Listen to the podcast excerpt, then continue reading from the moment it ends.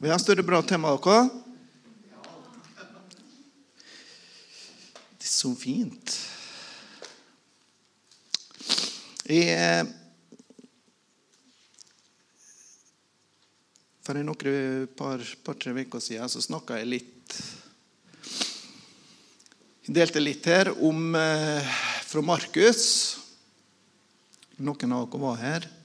Eh, om eh, brødunderet og, og litt forskjellig.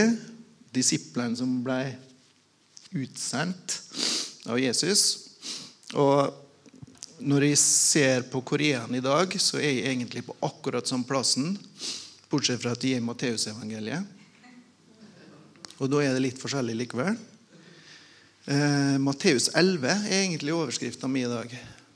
Så jeg kommer til å holde meg i Matteus 11 med litt eh, stikkutturer inn litt forskjellig. Så jeg håper og tror at det er bra. Du vet at i Matteus 10 så sender Jesus ut disiplene, slik som han gjorde i Markus. Bare det at Matteus bruker et helt kapittel på det og forteller om at det her er litt forskjellig. Så, så den, Det er verdt et studie i seg sjøl, men det skal vi ikke fokusere på.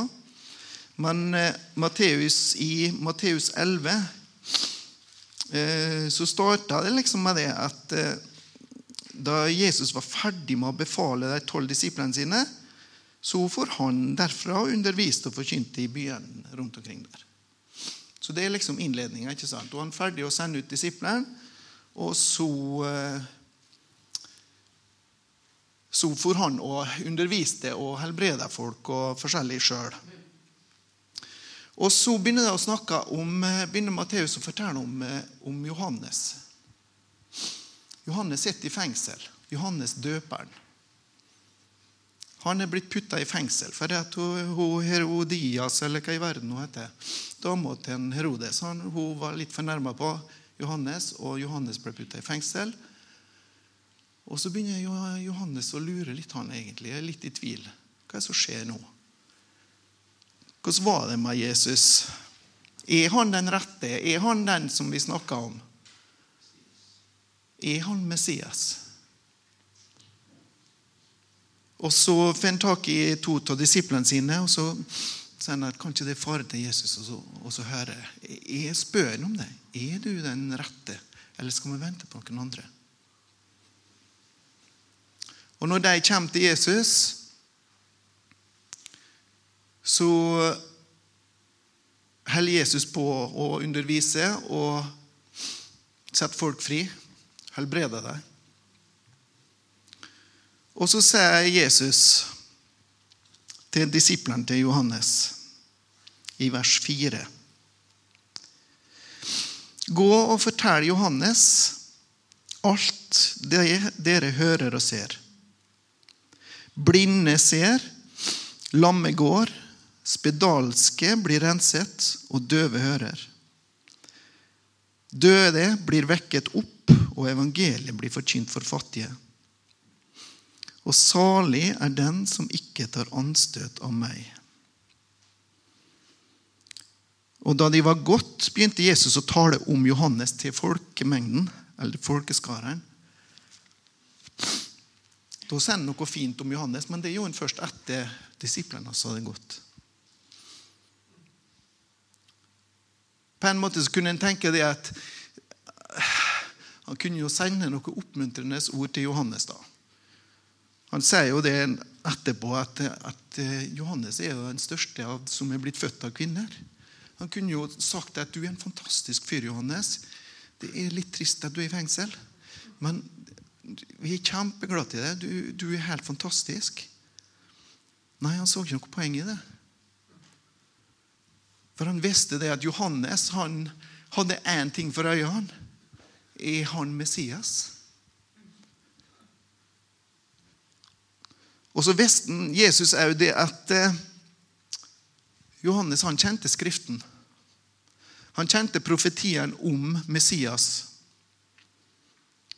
Og han visste at eh, Johannes visste hva Jesaja skrev. Og I Jesaja 35 så skriver han da Altså Han snakker om når Messias kommer. Da blir de blindes øyne åpnet, og de døve ører lukkes opp. Og da skal den lamme springe som dådyret, og den stumme juble med sin tunge. For vannkilder bryter fram i ødemarken og elver i ørkenen. Så kommer disiplene tilbake og så forteller de dette her til, som Jesus sier. Og så er det omtrent ordrett det som, som Jesaja sa. Som Jesaja profeterte.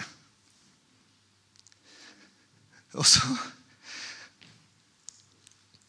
Jeg ser for meg egentlig Johannes der i fengselet. Altså. Nesten som at han begynner å storflire. Humrer med seg sjøl. Og ja, slik er det. Slik er det. Han er Messias.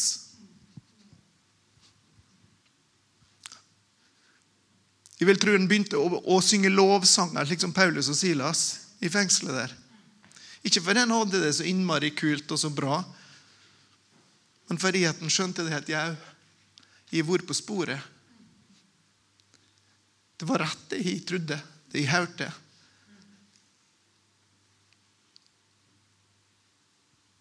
Det var Messias. Den levende Guds sønn.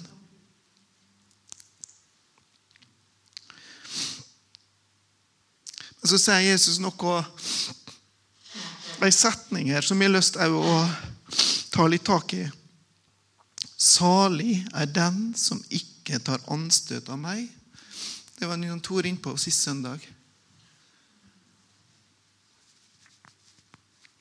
Hva er anstøt? Noen som vet det?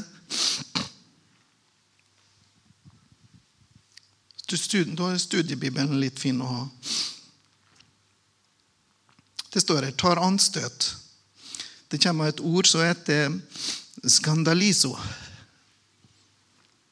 Den opprinnelige betydningen var å sette en snare eller en snublestein i veien.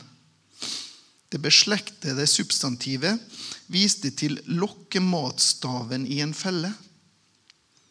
I Nytestamentet brukes skandaliso alltid i en overført betydning om det som hindrer rett atferd eller tanker, og dermed å få til å snuble i hermetegnet. Så anstøt hvis du hvis du tar anstøt av Jesus da. Fariseerne gjorde det. De var jo så rykende irritert og fornærma på Jesus. Så de stilte seg sjøl i en posisjon der de ikke hadde mulighet til å ta imot ordet fra Jesus evangeliet om frelse og frihet for fanger. Det, det greide de ikke å ta imot fordi at de, de, de var, hadde sånn imot, de var så fornærma på Jesus i forhold til det han sa og det han sto for. Det var så imot det som de hadde i seg, at de greide det ikke.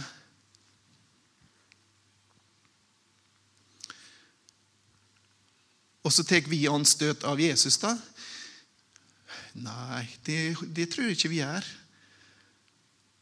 Eh, det må nok hver enkelt vurdere for sin egen del. Men vi, har jo, vi har jo tatt imot Jesus. Vi tror jo på Jesus. Så vi har jo ikke tatt anstøt av Jesus på den måten. Men jeg tenker det at faren med anstøt altså Du har den her fella som anstøt er. da. Her, hvis du har musefelle, rapp musefelle, dere som er spesialister på mus, mus fange mus, så er det en liten agnet er på en sånn liten tapp som står opp der. ikke sant? Det er det det sammenligner med her, det er anstøtet. Kanskje det er et liten fristelse i å bli litt anstøtta, for du har jo egentlig full rett til det. For vedkommende som eh, gjorde noe imot det. det var jo veldig dårlig gjort. Dårlig sagt. Det kan være så alvorlig at det ikke er til å snakke om,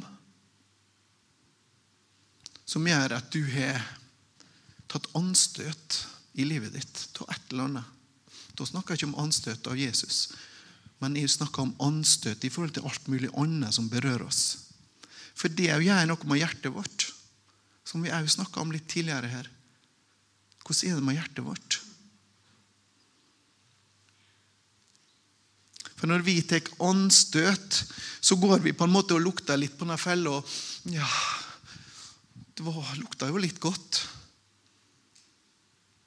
Og så, å, så blir vi litt støtt. Og når ei mus går i fella, så er det ikke noe problem. Men er det hjertet vårt, så får seg en fik, et slag eller blir knust, ja, da er det plutselig et problem.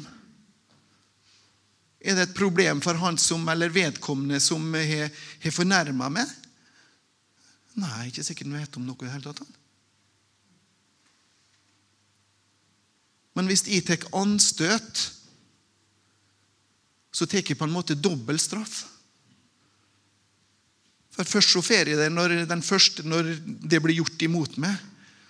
Og så tar jeg anstøt, og så forherder jeg hjertet mitt. Og så har det innvirkning på livet mitt. Det har innvirkning på framtida mi.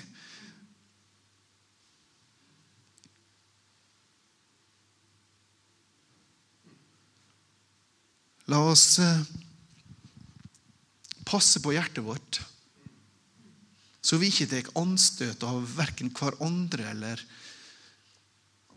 andre som vi omgås, eller familie, eller hva det måtte være.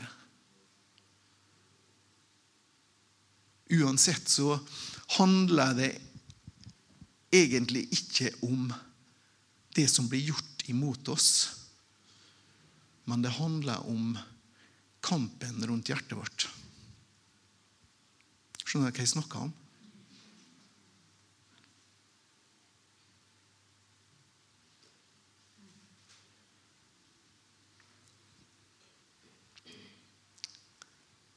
Men eh, det er jo slik Gud har jo gjort det slik da, at det er jo fantastisk mulighet at om vi har tatt anstøt, så er det råd å gjøre noe med det. Så er det råd å omvende seg. Så er det råd å be om tilgivelse. Så er det råd å rydde opp i ting. Så er det råd å begynne på nytt. Som vi sa, Jesus han er der med en gang vi omvender oss, så er han der. Og Han er klar til å ta imot oss.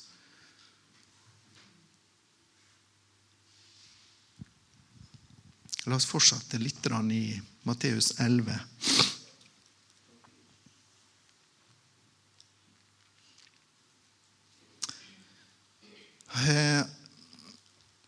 Jeg fortsetter litt å snakke om Johannes.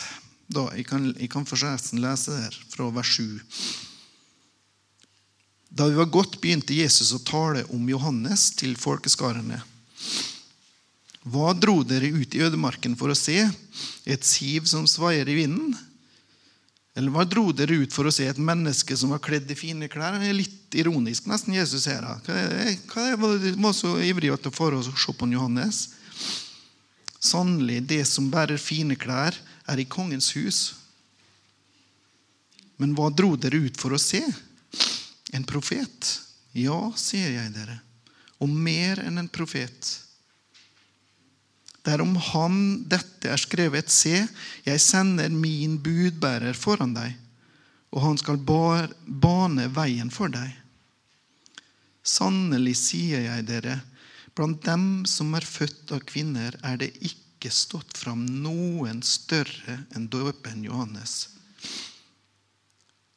Og det tror jeg faktisk gjelder fortsatt, selv om etter vi er født her. Jeg tror ikke noen her matcher Johannes, egentlig. Så det tror jeg faktisk gjelder.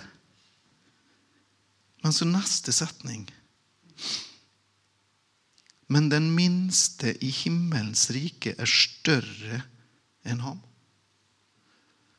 Eh, hva er det han snakker om? Den minste i himmelens rike er større enn Johannes. Da må vi jo vite hva er himmelens rike. da. Hva er himmelens rike?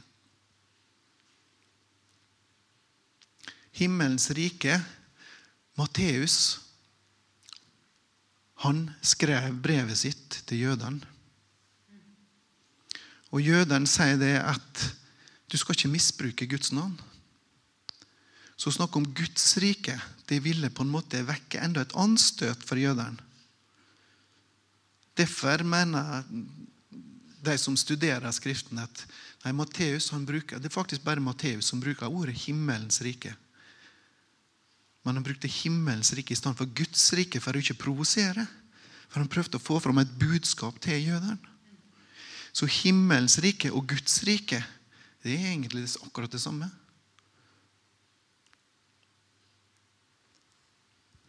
Og så Hva skjer når vi tar imot Jesus? Hæ? Vi blir født på nytt. Vi blir glad. Vi blir født på nytt. Vi, vi flytter over fra mørkets rike til lysets rike. Er ikke det det står? da? Når vi tar imot Jesus, så blir vi født på nytt, og, og Den hellige ånd tar bolig i oss. Vi får en ny ånd. Og så, så, går vi på en måte herifra til dit. Betyr det at jeg er blitt perfekt, og alt er helt forandra? Nei, ikke nødvendigvis det. Men det skjedde et under inni meg. For jeg, jeg, sier det at Jesus, jeg ser at de strekker ikke til. Men jeg tar imot det, Jesus. Jeg har lyst til å stå under, din, under dine vinger, for å si det sånn. Jeg har lyst til å tilhøre det. Jeg vil ta imot din tilgivelse. Vi blir flytta inn i Guds rike. Og Guds rike det starter når vi blir født på nytt. Det starter ikke når vi en gang dør og kommer til himmelen. Det starter her på jorda, folkens. Og Når vi da går tilbake og ser på det Jesus sier her, hva er det Jesus prøver å formidle? Johannes er jo bana vei for Jesus. Han er den største som er født av kvinner. Og Likevel så sier han at den minste i Guds rike er større enn Johannes. Han sier jo ikke det for å rakke ned på Johannes. Men han sier det fordi han ønsker å kommunisere noe til oss. Om de posisjonen og privilegier og stillinger som vi er når vi er tatt imot Jesus. posisjonen, situasjonen til Johannes kan ikke måle seg. Fordi at vi har fått lov å tatt imot frelsen. Vi har fått lov å tatt imot Den hellige ånd i våre hjerter. Vi er født på nytt. Vi er plassert en plass som er så utrolig mye bedre enn det Johannes var i sin situasjon, i sin tjeneste, i sitt liv før korset, før frelsesverket som Jesus gjorde. Alle som levde før Jesus sto opp igjen, før Den hellige ånd ble utgitt, de levde i en annen tid, i en annen pakt, under andre forhold. Jeg tror Jesus prøver å forklare litt hva vi det som er det minste i Guds rike, det minste som er tatt imot meg, er større. For et perspektiv på livet våre. For en mulighet.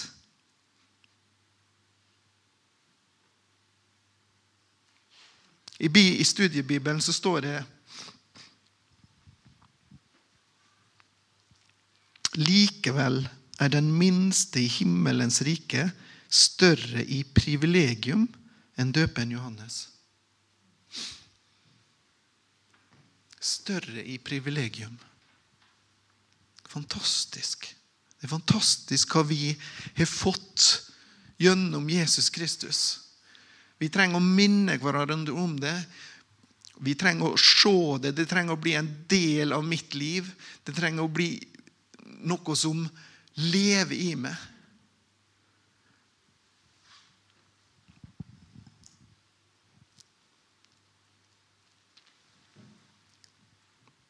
Jeg syns det her er knallbra, folkens. For å se det rett ut.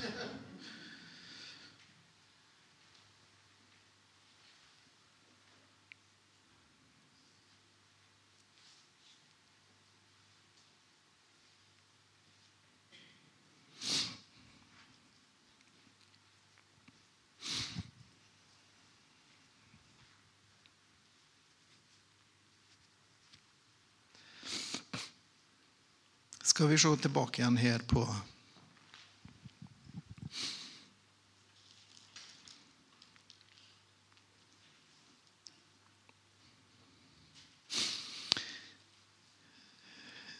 Det står litt eh, Det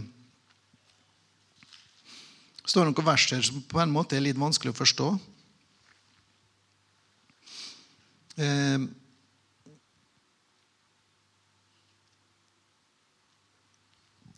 Men eh, i studiebibelen så er det litt sånn forklaring.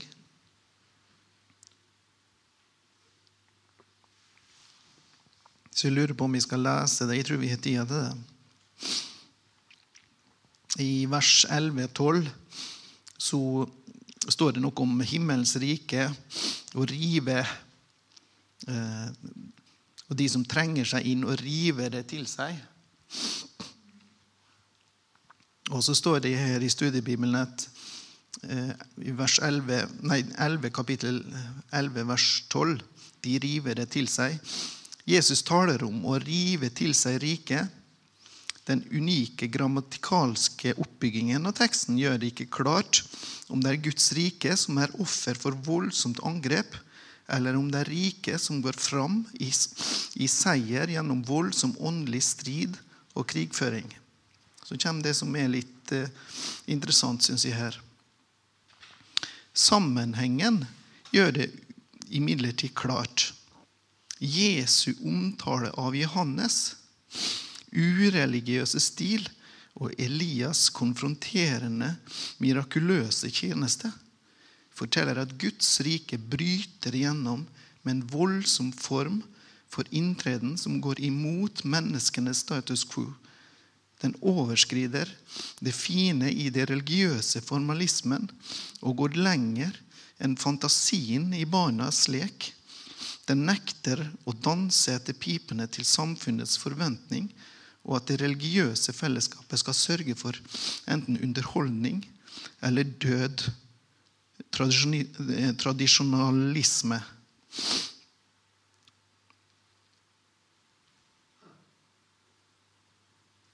Det er verdt å studere litt på dette. Jeg syns det var interessant. Det som, det som skjer her, det som Jesus innfører, det er så radikalt. Det er så enormt. Det, det sprenger på en måte så her grensene våre. Det sprenger våre religiøse rammer. Og så står vi der, og så har vi på en måte i Guds rike, og så er vi på en måte muligheter som vi nesten ikke begriper sjøl. Vi er i en posisjon som vi nesten ikke kan begripe.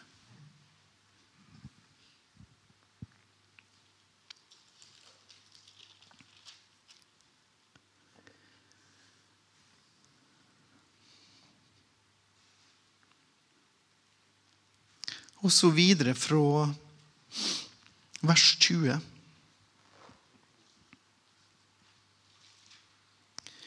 Så kommer en til, til liksom et nytt avsnitt. Ved over byene som ikke vil omvende seg. Så begynte han å refse de byene der de fleste av de kraftige gjerningene hans hadde skjedd, fordi de ikke omvendte seg. Hmm. Vi snakka litt tidligere her om, om brødunderet. Disiplene som, som holdt på å delte ut brødet som hadde multiplisert seg. Så det ble, det ble fem brød ble nok til tusenvis av mennesker. Og så står det etterpå der i Markus, som vi snakka om sist, at de, de hadde ikke forstått det fordi at hjertet deres var hard. Og så snakka Jesus her om byer som ikke vil omvende seg. Selv om at de største miraklene, kanskje brødunderet, skjedde i området der. De hadde sett enorme ting. Men så ville, ikke, ville de ikke omvende seg. Det var noe med hjertet deres som ikke evna å ta imot, som ikke evna å, å se, som ikke ville.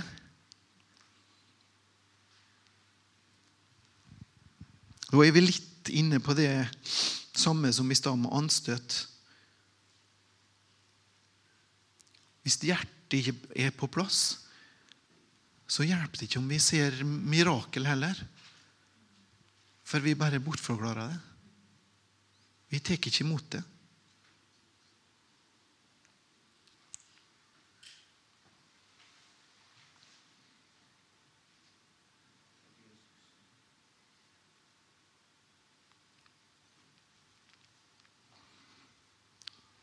Vedropet over byene det tror jeg ikke vi skal lese. Men eh, vi går videre og kommer ned til vers 25. Overskrifta der er at Jesus gir sann hvile.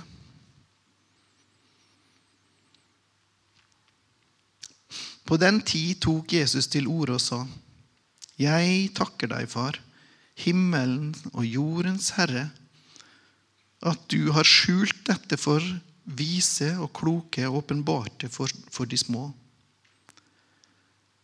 Ja, for slik var det vel behagelig for deg. Alle ting er overgitt til meg av min far, og ingen kjenner Sønnen uten far. Heller ikke kjenner noen far uten Sønnen, og den Sønnen vil åpenbare ham for.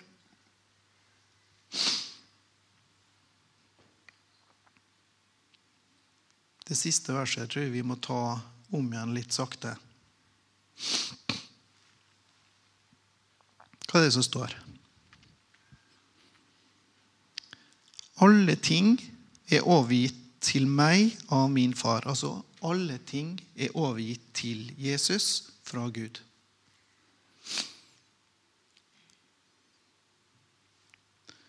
Alt som er vesentlig, tenker jeg da. Og ingen kjenner Sønnen, altså ingen kjenner Jesus utenom Gud. Heller ikke kjenner noen Gud uten Sønnen, altså uten Jesus, utenom Jesus. Men så står det litt mer her. Og den Jesus vil åpenbare ham, altså Gud, for. Hmm. Ingen kjenner Gud uten Jesus. Og det er et og der. Det er ikke bare Jesus.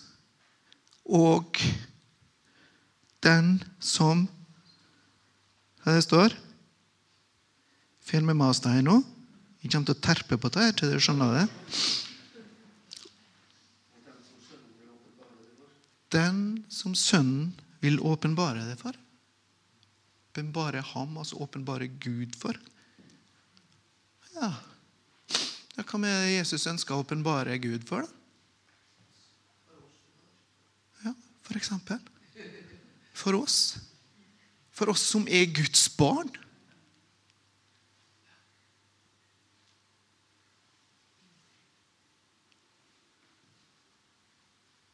ikke det er fantastisk?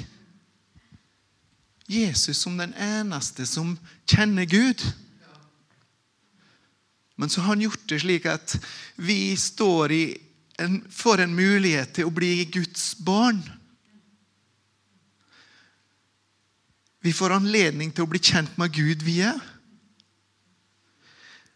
Og i Johannes 17 så ber Jesus Jeg ber at de alle altså alle, Da snakker han om disiplene, den som Gud hadde gitt den. Det vil si oss. Vi er en del av disiplen. Vi er, av, vi er Guds barn. Jeg ber om at de alle må være ett, slik du, far, er i meg, og jeg er i deg. At også de, altså oss her, må være ett i oss, altså i Gud og Far. For at verden skal tro at du har utsendt meg. Det er et, det er, det er et samspill, det er en, et fellesskap, det er en integrasjon her som er bare så grensesprengende. Vi er plassert inn i et fellesskap, inn i en relasjon med et sånt perspektiv og slike muligheter at vi vi blir sittende til å gape.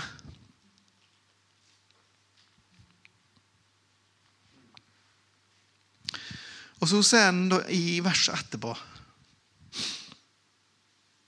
Nå er jeg tilbake i Matteus, kapittel 11, vers 28. Kom til meg, alle dere som strever og bærer tunge byrder, og jeg vil gi dere hvile. Det var det verset jeg begynte å tenke på, som vi havna i Matteus 11. Så det er nå jeg egentlig begynner.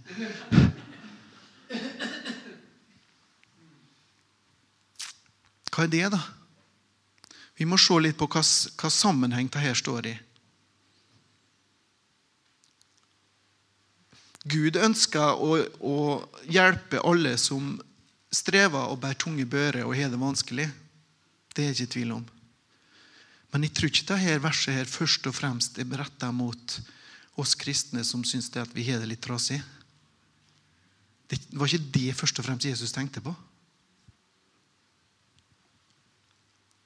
Jeg tror han tenkte på det som sto i verset før, om å bli kjent med Faderen. Han, han forteller at ok, hvis du har lyst til å bli kjent med Gud, så må du bli kjent med meg, så skal jeg presentere det for Faderen, for å bruke litt andre ord. Og så sier han i verset etterpå Kom til meg, du som strever og er tungt å bære. Hva spør jeg det vi snakker om? Synder. Å gå og bære på sin eget ansvaret for sin egen rettferdiggjørelse, det er ganske tungt. Det er strevsomt. Kom til meg. Hva er det? Ja, det er en invitasjon, det.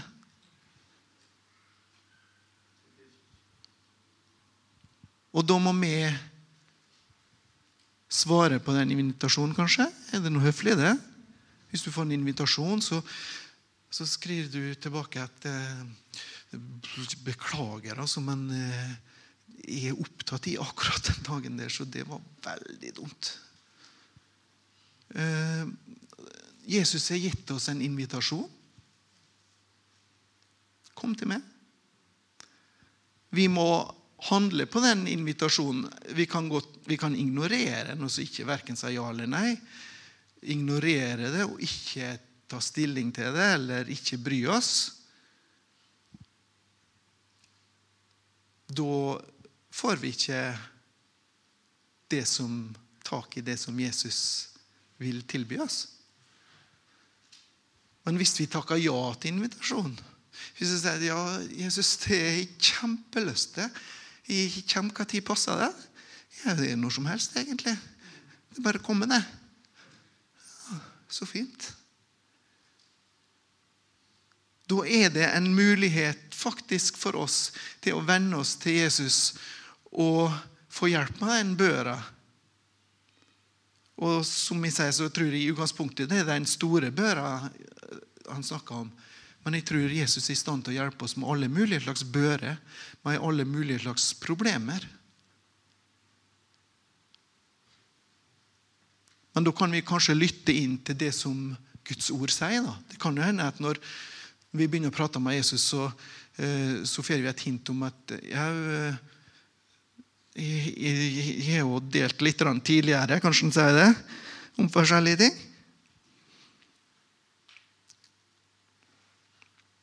Jeg har bl.a. sagt at eh, bekymre deg ikke for morgendagen, for den har nok med seg sjøl. Så bare legg vekk bekymringa, du. Det er jo ei veldig tung bør for mange. Bekymring. Og så har Jesus sagt at ja, men eh, den trenger du ikke å bære. For når vi går sammen, så skal jeg hjelpe meg, da. Så klart Hvis vi går og bærer på ting og har tunge bører fordi at vi ikke gjør det som Jesus anbefaler, så må vi jo tenke på det. da. Ja, Kanskje vi skal gjøre det likevel. For det er ikke for sent. Det er ikke for sent å omvende seg. Tilbudet er ved lag. Kom til meg, sa Jesus. Eh, men da må vi kanskje løfte opp rumpa og flytte oss litt. og så komme, Var det her Jesus var, eller var det her? Nei. Nei, Jesus er jo alle plasser. han. Vi trenger ikke fysisk å flytte oss, men det må skje noe i hjertet vårt. Vi må bevege oss litt i hjertet. Vi må på en måte si det at OK, Gud, du har rett. Jeg har ikke rett bestandig. Jeg tar imot det. Jeg tar imot dine råd, jeg tar imot din veiledning.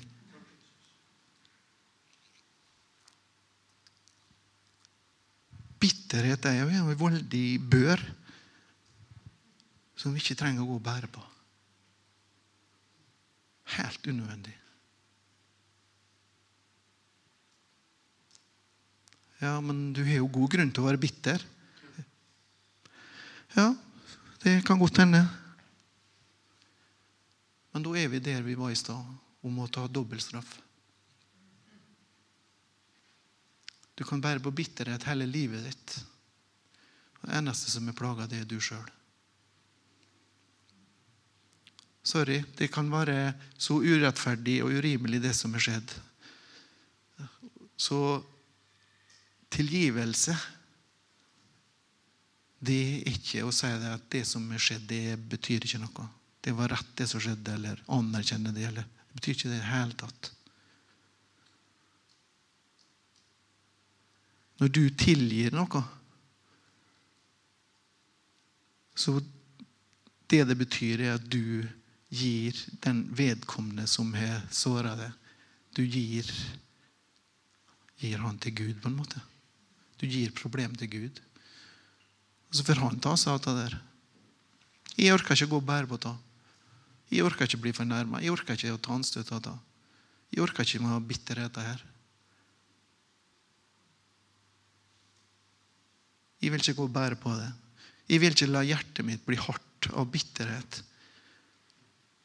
fordi noen har såra meg. Selvfølgelig må vi prøve å gjøre opp med hverandre og finne ut av ting og be om tilgivelse og snakke. Og det er ikke det jeg mener. Men jeg har sett eksempel på folk som har gått og vært bitter hele livet sitt helt til de gikk i grava. Og det, det, det er ikke Frukta av bitterhet, den skjønner vi er dårlig.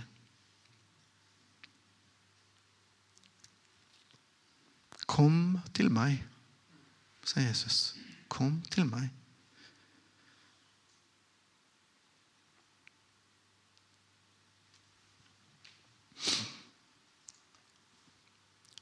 Siste verset her i Matteus 11. Nei, to siste verser står det. Ta mitt åk på dere og lær av meg, for jeg er mild og ydmyk av hjerte. Og dere skal finne hvile for sjelene deres. For mitt åk er ganglig, og min byrde er lett. Oi, oi, oi. Åk, det høres jo fryktelig ut. Og vi har, vi har hatt litt forskjellig undervisning om åk. og Det her som vi deler med Jesus, og han hjelper oss å dra. Slags bilde er det vi sitter med oppi hodet vårt? Går det an å bruke andre ord som skaper andre bilder? Har du tenkt på det?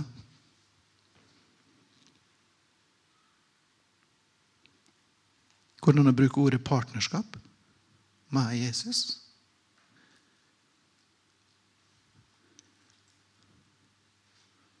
Hvis Jesus spør meg, Lars Vil du være med og ta mitt åk? Ja, det, ja hva, hva, betyr det, på en måte? Ja, Det må vi prøve å finne ut. Men jeg tror en del av det, iallfall, kan en sette det ordet på. Lars, vil du være partner med meg? Jeg gir mulighet til det. Er det en option? Selvfølgelig vil de det. Hvis de kan få lov å gå med Jesus Jesus sier det at eh, Vil du gå sammen med? Ja takk, Jesus. Selvfølgelig vil jeg det. Jeg har lyst til å være en medarbeider. Vil du være min medarbeider? Kan jeg få lov å være sjefen din, og så er du min medarbeider? Ja, det, det hørtes kjempemessig ut. Fantastisk privilegium. Lars, har du lyst til å være en som er til stede? Ja, kan jeg få til det?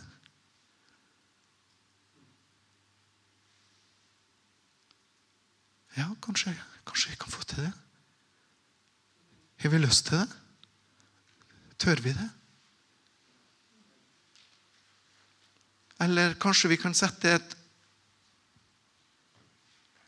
helt annet ord, som kanskje passer i en del av det bildet her, iallfall. Hvis Jesus spør Vil du være min beste venn?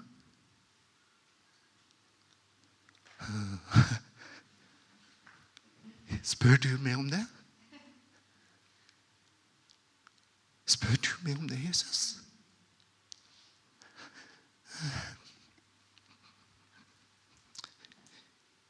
Det er egentlig det han spør om.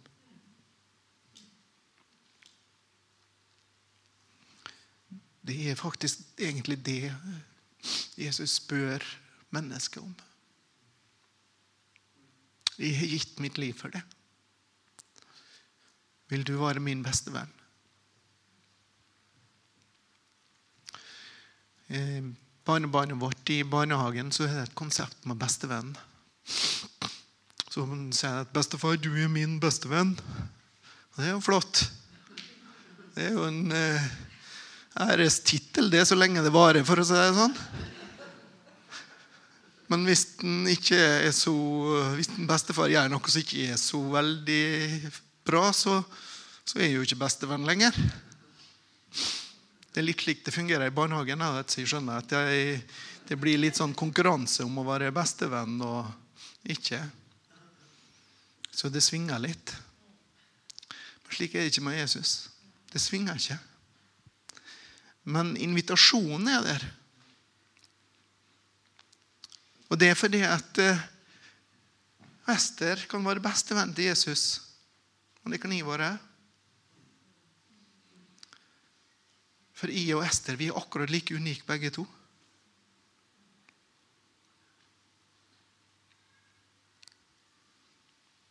Det gjelder oss alle sammen. Vi er unike. Vi er skapt i Guds bilde. Og så har vi Jesus som spør Kom, kom til meg, du.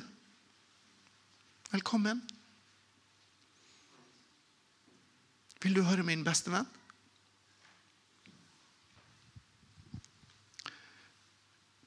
Det er ikke sikkert at alle dagene er en sånn berusende lykkeopplevelse på ei rosa sky. Jeg tror ikke det er det en inviterer til. Men den beste vennen går sammen med. Han er nær.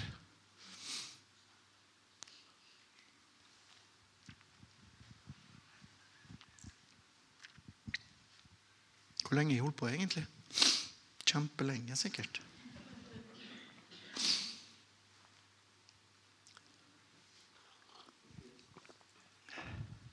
Hvordan skal vi runde av det her, folkens? Hva har vi lyst til nå? Jeg blir litt snufsete, men det er ikke covid.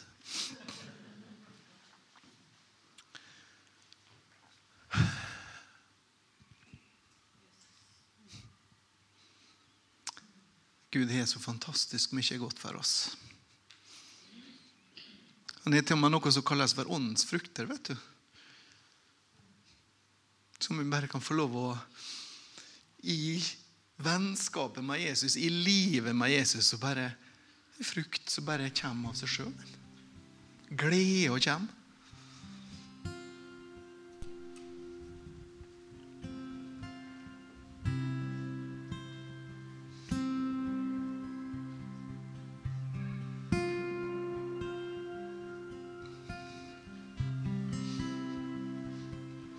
Kjærlighet, glede, fred,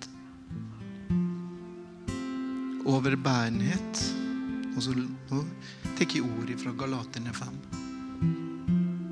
Vennlighet, godhet, trofasthet, ydmykhet, selvbeherskelse. Frukt. Frukt i livet ditt. Gode frukter.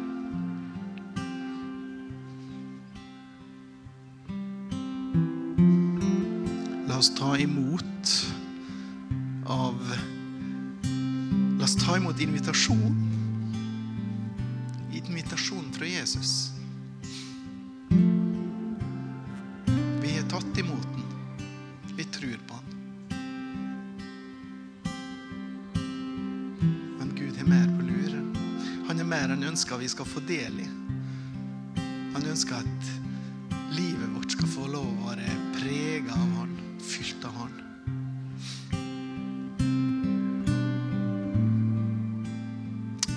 bare ta og fokusere litt på Jesus nå, så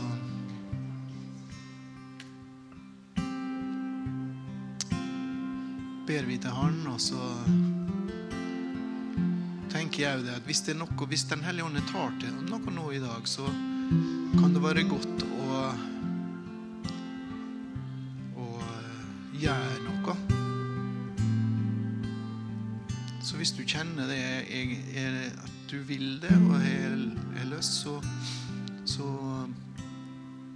bare ber jeg om at du kommer fram. Og så bare ber vi i lag og Men hvis Gud taler til deg om et eller annet Hvis Gud har tar til deg noe i, i hjertet ditt som du skal få lov å legge ifra deg, som du skal få lov å gi slipp på, så kan det være fint å bare demonstrere det for seg sjøl. At jeg og Jesus, det her vil jeg ha tak i. Det her vil jeg gjøre noe med. Og så bare kommer du fram, og så, så viser du det for deg sjøl og for makter og myndigheter på den måten at det her er jeg ferdig med nå. Det her legger jeg bak meg. Det er en hjelp til selvhjelp. Jesus, vi bare takker deg. Vi opphøyer Jesus. Er for oss i alle situasjoner. Du lengter etter å gå sammen med oss. Du lengter etter bestevenner. bestevenner som kan dele hjerter, som kan oppmuntre hverandre, som kan løfte hverandre opp. Jesus er alltid på tilbudssida.